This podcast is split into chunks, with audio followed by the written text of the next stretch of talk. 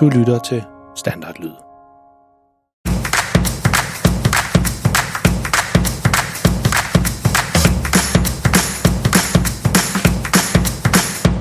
Hej og velkommen til historier om verdens pinligste far, som i dag slet ikke er en pinlig historie om Freja og Maltes far.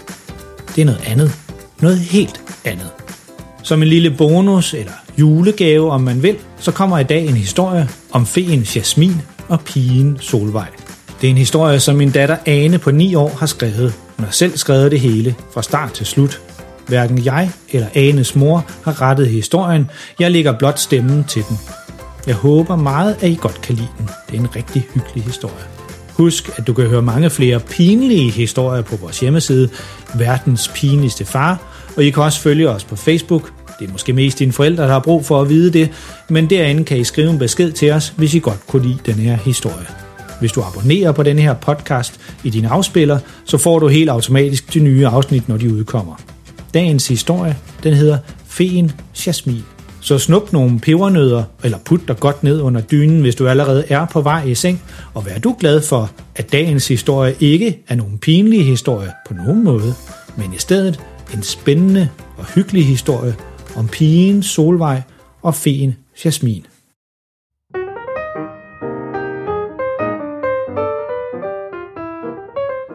Når Solvej står op om morgenen, så plejer hun altid at spise morgenmad i sit nattøj. Derefter så tager hun sit normale tøj på og børster sine tænder. Så skal hun i vuggestue, men i dag der er det weekend, så Solvej hun hygger bare hjemme sammen med sin familie. Solvej går ud i haven sammen med Vitus, og i dag så skitter solen, så mor går ud og soler sig. Når Solvej og Vitus har leget lidt sammen, skal Vitus hjem til sin ven, og det er far, der kører Vitus derhen. Så leger Solvej lidt alene, men på et tidspunkt så bliver det lidt kedeligt. Men hov, hvad er det? Der er noget, der skinner over i haven. Solvej går hen til det, og det ligner faktisk lidt en lille fe. Ja, måske en magisk fe. Feen den vender ryggen til Solvej, så den ser hende slet ikke. Feen er rigtig flot. Den har en lyser lilla dragt på, og et lyserødt tyldskørt på, og så har den lilla hår og lyserøde vinger med blå glimmer. Solvej er næsten ved at røre ved feens vinger, men ligesom hun tager fingeren op af lommen, så vender feen sig om. Og nu er feen endnu smukkere end med ryggen til. Feen ser underligt på Solvej, og det ligner faktisk, at hun er bange for hende. Solvej hilser på feen, men feen svarer ikke og flyver op i luften og siger, Åh, du må ikke slå mig ihjel. Jamen selvfølgelig vil jeg da ikke slå dig ihjel, siger Solvej. Jeg vil bare være din ven. Åh, tak, siger feen. Feen er lige ved at flyve væk igen, men så siger Solvej, du kan bare bo på mit værelse. Feen sætter sig ned ved siden af Solvej og fortæller om sin chef, der tvinger den til at samle tryllestøv. Og hvis han ikke samler det, så dræber han feens familie. Solvej er lige ved at græde, efter hun hørte Feen fortælle om, hvor frygteligt hun har det, men så kommer Solvej i tanke om, at hele familien bare kunne bo på Solvejs værelse, det vil Feen faktisk gerne. Solvej går indenfor sammen med Feen for at lave et lille hus af pap til Feens familie, og så spørger Solvej, hvad Feen hedder. Jasmin, siger hun. Hvad hedder du? Jeg hedder Solvej, siger Solvej. Og så går de i gang. Far er lige kommet hjem, efter han har sat Vitus af hos hans ven. De får far til at hente en papkasse til dem, men desværre kan voksne ikke se feer, så far han troede bare, at Jasmin det var en fantasiven, men de fik da en papkasse. Så tager de et sugerør som en stumtjener, og noget lidt tyndere pap som et bord, og nogle små dukkestole og en barbieseng med dyner. Nu mangler de bare Jasmins familie, men de er jo fanget. Så Solvej og Jasmin bliver enige om, at de må lægge en plan for at få Jasmins familie befriet. Solvej skal til at have frokost nu, så planen den må lige vente lidt. Imens Solvej hun spiste, så tog Jasmin et papir og en blyant, og Jasmin lavede en perfekt plan om, hvordan de skulle få hendes familie tilbage. Så blev Solvej færdig med sin frokost, og Jasmin færdig med sin plan. Jasmins plan var, at de hang et skilt op, hvor der stod gratis is på Herningegade. Så når Jasmins chef kunne se, at der rent faktisk ikke var nogen is, så kunne Solvej distrahere ham, indtil hun kunne se, at Jasmins familie fløj hen til Solvej, og imens Solvej distraherer chefen, så tager Jasmin nøglen fra hans bukselomme og låser hendes familie ud. Så var planen, at Jasmins chef skulle være distraheret og undre sig over, at der ikke var nogen is. Og Solvej skulle også distrahere ham, og så imens kunne Jasmin flyve hen og tage chefens nøgle fra hans bukselomme og låse hendes familie ud. Det synes Solvej var en god plan. Okay, så var det tid til at lave skiltet. De fik mor til at lave et skilt af pap, men så skrev hun noget helt forkert på skiltet.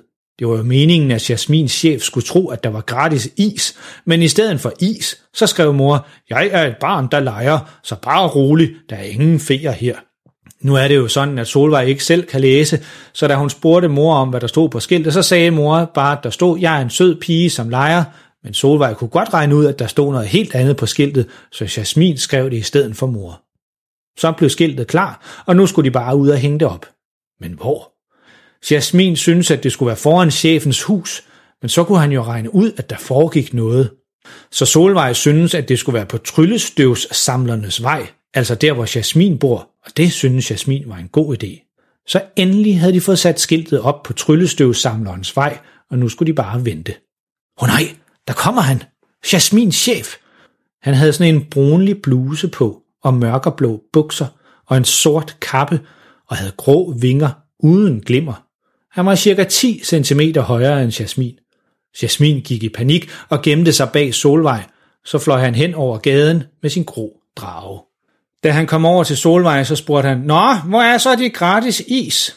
Og det eneste Solvej kunne sige var, Øh, jo, øh, nu er det jo sådan, så kunne hun ikke rigtig sige mere i lang tid, og så sagde chefen, Nå, sådan hvad?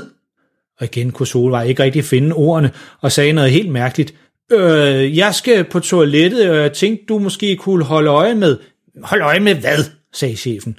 Solvej, hun havde jo ikke rigtig nogen båd eller nogen is, han kunne holde øje med, så hun sagde, øh, måske kan du holde øje med mit hus. Ej, ved du nu hvad? Jeg er altså kommet her for at få gratis is, ikke for at passe nogen fremmeds hus.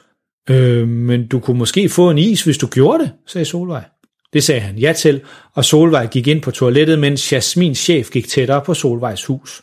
Han faldt i søvn på sin drage, fordi Solvej var så lang tid om at være på toilettet, og fordi Jasmin ikke turde gå ud og tage nøglen. Til sidst går Solvej derud med Jasmin i hånden, og nøglen den er faldet ned på jorden, så det er jo mega nemt at tage den lige nu.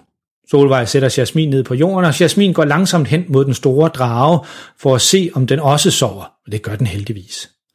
Så flyver hun lige så stille op i luften, kigger lidt på chefen, og han snorker meget højt. Og der ligger nøglen på jorden, lige foran Jasmins fødder. Hun samler den op fra jorden. Så flyver Jasmin hen til Solvej med nøglen. Jeg holder øje med, om han vågner, siger Solvej, mens flyver Jasmin med nøglen hen til chefens hus.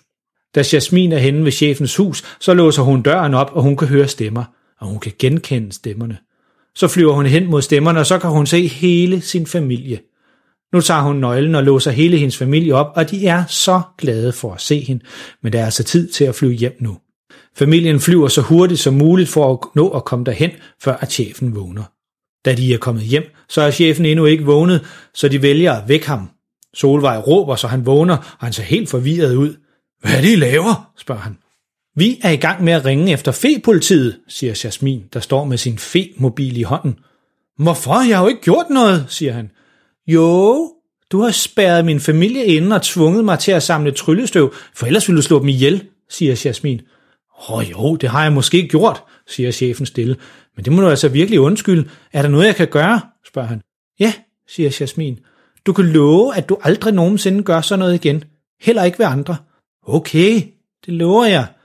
Men grunden til, at jeg gjorde det, det var altså bare fordi, jeg gerne ville prøve at få glimmer på mine vinger, så jeg tænkte, jeg kunne måske tage noget af jeres glimmer og bruge det på mine vinger, for de er så kedelig og grå, siger chefen trist. Men vi vil altid gerne dele glimmer. Man skal da bare spørge pænt, siger Jasmins mor. Vil I det? siger chefen overrasket. Ja, selvfølgelig, siger Jasmin. Og så endte det med, at chefen boede hos Solvej og alle de andre i Jasmins familie. Og bare rolig, chefen, han fik også glimmer på hans vinger.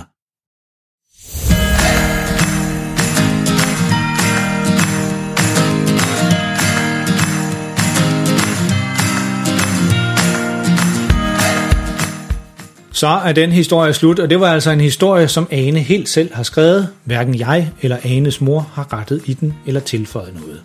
Hvis der sidder en historiefortæller gemt i en af jer derude, så er det bare med at komme i gang med at skrive eller fortælle jeres historie. Der er helt sikkert en masse, som gerne vil høre, hvilken historie I har at fortælle. Det vil vi i hvert fald gerne. Så hvis I sidder her i julen eller på et andet tidspunkt og har fundet på en historie, så må I meget gerne fortælle os om det. Det er vi blevet rigtig glade for at høre om. Vi håber også, at I får en rigtig dejlig jul, og I kommer til at nyde juleferien. Vi er tilbage igen med flere pinlige historier om verdens pinligste far i starten af det nye år. Og husk, at du kan høre mange flere pinlige historier på vores hjemmeside, verdenspinligstefar.dk. I må også meget gerne fortælle jeres venner og klassekammerater om vores historier. De vil helt sikkert også synes, at de er lige så sjove og pinlige, som du synes. Og lige en sidste ting. Hvis du synes godt om vores historie, så giv os en god rating inde på iTunes eller Apple Podcast, eller hvor du nu hører denne her podcast. Det hjælper os nemlig med at komme ud til mange flere lyttere, og det vil vi være meget taknemmelige for. Der står på vores hjemmeside, hvordan man gør, hvis du ikke har prøvet den slags ting før, men det er faktisk rimelig nemt. Pas på jer selv derude og lyt med næste gang. Og hold øjne og ører åbne, specielt her i juletiden. Man ved aldrig, om der kommer til at ske noget uventet og spændende. Måske får du besøg af en venlig fe, eller måske af en nisse.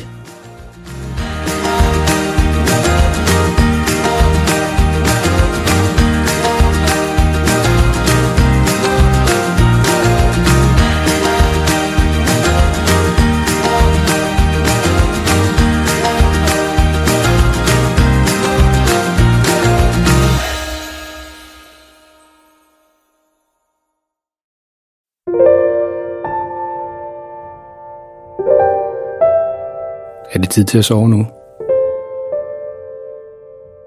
Har du husket at børste tænderne? Godt. Nu kommer der lige noget stille musik, som du allerede nu kan høre lidt i baggrunden. Det kan du ligge og lytte til, mens du ligger og kigger rundt i værelset og tænker på alt det sjove, der er sket i dag. Eller du kan jo lukke øjnene og selv komme på en historie, mens du lytter til musikken.